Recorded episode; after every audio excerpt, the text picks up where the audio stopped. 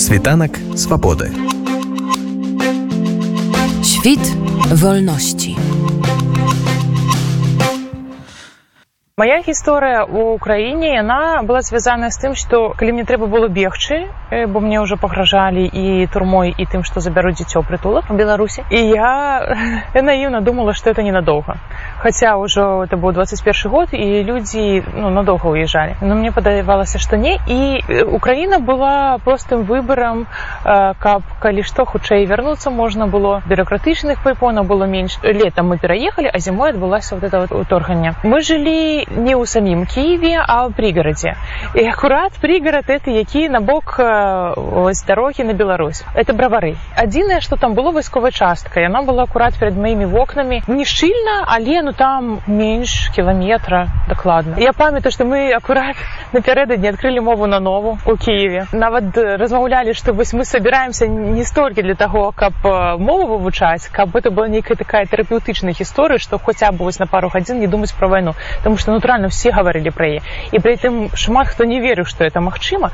І вось мы открываем мову на нову дамаўляемся што на наступную мову на нову мы будзем масленіцу браць тэму што нам бліноў напекуць. І тут раптам я прачынаюся ад такога моцнага гука я подумала што это ранняя навальніца і ведаеце было так спакойна наадварот стала што вось чтобы людзі як бы людзі не шалелі а прырода яна все адно вось яе кола зварот часу ён ідзе і раптам калі другі раз быў вот это выбух я уже зразумеў что это не навальніца я падыходжу до акна это было яшчэ цёмна і бачу як палае этой вайсковая частка. Стала ведаеце настолькі страшна ажно не страшна то бок я зразумела что это адбываецца і і все. І і далей просто як нібыта на аўтапілосе на аўтамаце все адбывалася я пачала тэлефанаваць калегам што адбываецца мы селі вось на стужку працаваць і я памятаю што вось ну это было четвертой гадзіна раніцы і нельзя а 12 уже редактор мне сказаў ідзі пахадзі я вырашыла пайти глядзець ці едуць танки тому что вось акурат як бы тада была інфармацыя что вось беларускага боку таксама адбываецца наступ. Я думаю что ну вот напэўна я якраз беларускага боку кіевай жыву думаю ну вот это будзе канешне гісторыя пойду фоткай танки. Ну а что рабіць як ты будешь сядзець у такой сітуацыі просто? Аказалася что тады высадзіўся десант з іншага боку кіева у сварпіне які моцна пацярпеў і калі уже трэці раз прыляцеў не ведаю што снаряд бомба. Ну, карацей калі трэці раз была атака на эту вайсковую частку настолькі моцна грымнула я была на вуліцы яшчэ пайшла за ежай для дзіцёнка заодно. Мне стало уже настолькі страшна что я просто ногі сталі ватны я пайшла назад мае восьось муж з дзіцём уже спусціўся. Это не только бомбасховішча это просто цокальны паверх. І украінцы яны такія спецыфічныя людзі. Цокальны паверх это яны ну як бы пакуль все это не, не было этой войны яны абарудавалі под краму піва. І вельмі на расслабленых таких настроениях сидели там у этом цокольным паверсе прыйшоў гаспадар раздаў піва каб ніхто не хваляваўся але натуральна як бы вялікі дом маленькі ты паверх было ну, і страшна незразумела якія настрою будуць далей у дачыненні што мы з беларусі а з беларусі таксама ідуць нейкія войскі хаця нам ніхто нічога не казаў хаця весь дом ведаў што мы з беларусі яны нам прыносілі нават штосьці кшталту гуманітарнай дапамогі нейкія рэчы цацкі прыносілі мой дзіця але я баяўся што ну раптам што каб ну не было нічога ніякага мы сабраліся дзе где-то ўжо под вечар мы выехалі з Киева і тры дні мы ехалі да мяжы Таму што ўсе дарогі былі адзін вялікі корак адзін вялікі затор. У мяне на дзіва нягледзячы на тое што мы абмяркоўвалі які ў нас планы калі раптам што у нас быў план а план б і гэтак далей калі адбылося все рассыпалось не было нічога не зразумела я зразумела что для таких падзей да таких падзей просто немагчыма падрыхтавацца. І это было просто вот, ну, шчыра. Это нейкая нібыта в маёй галаве просто маімі руками нехта рухаў маімі ногами таксама. Нічога было незразумела что рабіць як что у мяне у меня была такая э, вельмі смелая ідэя что я мужа і дзіцяці э, саберу каб яны уехали а я уже менавіта журналістка но я хотела пайсці у метро. Кады всех пашлі хавацца думаю о я поліцера муж атрымаю конечно той час поліцера той тое што трэба і вось мы уже напіхалі рэчаў колькі маглі ў машыну і дзіцё она, зразумела што я не сажуся ў машыну і она пачала так крычаць што і просто плямамі пайшло пайшоў твар і зразумеў ніякае там пакліканне журналісткае но не не каштуе того каб ну так і звадзілася дзіцё ёй страшна было і натуральна трэба все бацькі былі разам пры ёй мне нават яшчэ была ідэя што я перейду мяжу. Яна ўжо будзе ў бясцепец я мужу ўручу дзіцё все цяпер я назад. Вось але пакуль мы ехалі і пакуль я ішла вось этой мяжы аказалася што беларусам ужо назад ніяк і вы выехалі ў польшу калі ну выехалі это так э, сказано. Э, мы э, мы на третий дзень приехали до мяжы я не памятаю дат мы калі даехалі вось ужо да мяжы там быў на такі вялікі затор что паміж нашай машинай і мяжой было каля 25 кіламетраў так як мы выехалі ўжо пад вечар першага дня крамы якія былі по дарозе яны ўжо былі пустыя Ну і калі ты яшчэ можаш там пацярпець то мы нешта не придумалі чым карміць дзіця ну мы взяли ежы там на пару дзён но эти пару дзён мы ехалі ў дарозе мы стаялі ў пастаянным заторы і тады мне трэба было выбраць зрабіць вельмі такі цяжкі выбор что мне трэба было просто взять дзіцёнка на руки і ідці тому что машина стаіць у заторы і я нават нікуды не припаркуш там просто вось такая двухполосная дорога з гэтага з аднаго боку ось стаіць чарга а з другого боку техніка едзе то бок там няма паркоўкі дзе ты мог бы кінуць машину. Туды вось муж застаўся э, за той машиной разбірацца па крысе ехаць а я з дзіцём пайшла то бок вы паасобку перасеклі мяжу так і это было это была такая жуткая прыгода з аднаго боку а з другого боку вельмі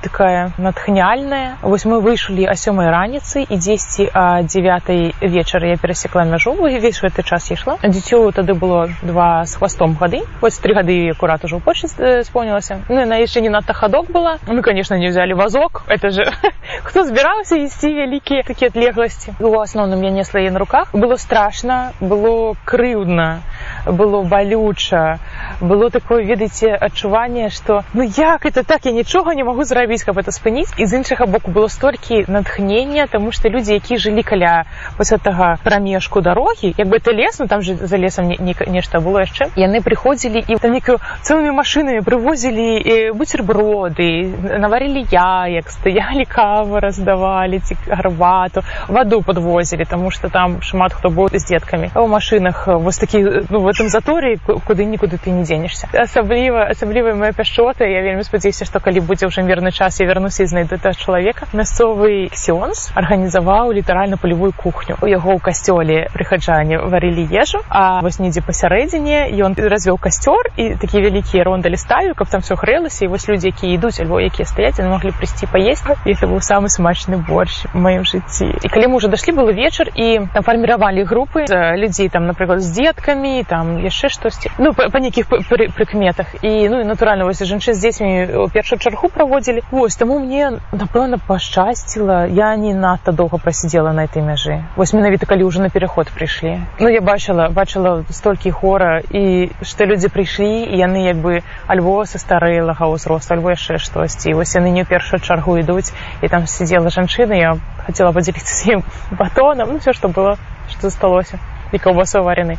Я такая я уже нічога не хочу я уже хочу толькі памерці думаю божачкі бедная жанчына настолькі перадолела каб сюды патрапіць каб цяпер ужо вось такой спустошаны быць і это быў вось люты ну вот это вот час калі яшчэ ну, днём ужо цёпла ўжо весна а ноч уже зіма і все ішлі такія разгарачёныя мокрыя і калі вось уже цемнела дзеці пачыналі мёрзнуць і мамы распраналіся куталі сваіх дзяцей ад мамы ад мамы шоу пара просто. Не ведаю як там хто не перахварэў але ну это была такая вельмі кранальная сцэна калі мамы ратуюць апошнюю апошняе што ёсць аддаю сваім дзеткам каб толькі тыя дачакаліся свае чархі на этой межы ну і вось вы трапілі ў польшу пэўна потым і муж ваш пад'ехаў вы вырашылі пасяліцца ў беластоку і потым наколькі я ведаю заняліся валанцёрскай дзейнасцю чаму вы вырашылі ёй заняцца і як гэта ўсё адбывалася як вы валанцёрылі ведаеце это все была гісторыя на адреналіне то бок это не тое што я спачатку уладкавала сябе а потым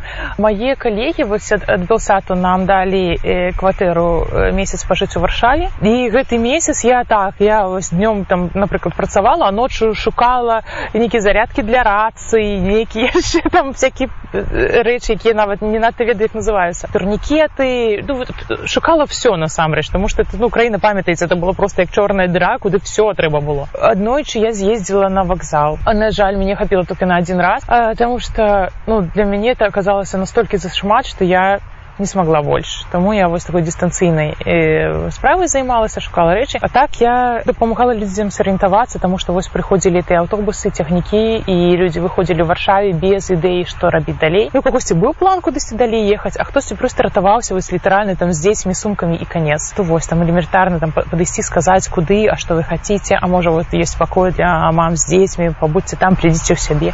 Ну вось вот, вот такая гісторыя была. Ну і натуральна донаты я на этой эмоцыйнай гісторыі думаю, ну, ну это ж не можа на, на э, зацягнуцца эта гісторыя. Я вы зараз як аддам усе грошы ў краіне, так яны і перамогуць. І это было настолькі э, усе грошы, што не першы месяц о боже першы месяц мне не было за што купіць швабру ось у новой хаце калі мы сюды уже пераехалі потым зразумела што это доўгая гісторыя што трэба это неяк як на марафон трэба разлічваць і свае магчымасці і патрэбы сваёй сям'і таму это потым ужо ўвайшло у такое валанторства як у нас двадцатого года з валізняволенымі просто мне цяпер у графе выдаткаў пасля беларускіх валізняволеных яшчэ там дапамога украінцам бок вы фінансава падтрымліваеце украінцаў у гэтым заключаецца валанцёрская дзейнасць так? цяпер так у першыя часы было зразумела што ў іх не наладжаная вот это вот як наша такая сетка людзей і ну як у беларусаў і беларусак ужо быў у цэлы год пабудовы нізавай дапамогі вось то там трэба было конечно включиться і дапамагаць просто знаходзіць людзей для людзей з нейкімі магчымасцямі а цяпер я бачу што ну яны вельмі хутка так арганізаваліся і у іх валанторская сістэма супер класна працуе цяпер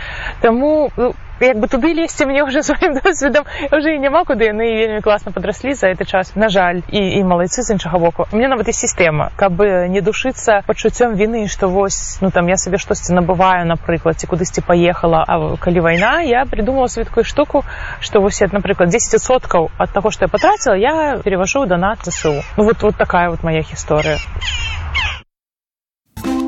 Світанак свабоды. Świt wolności.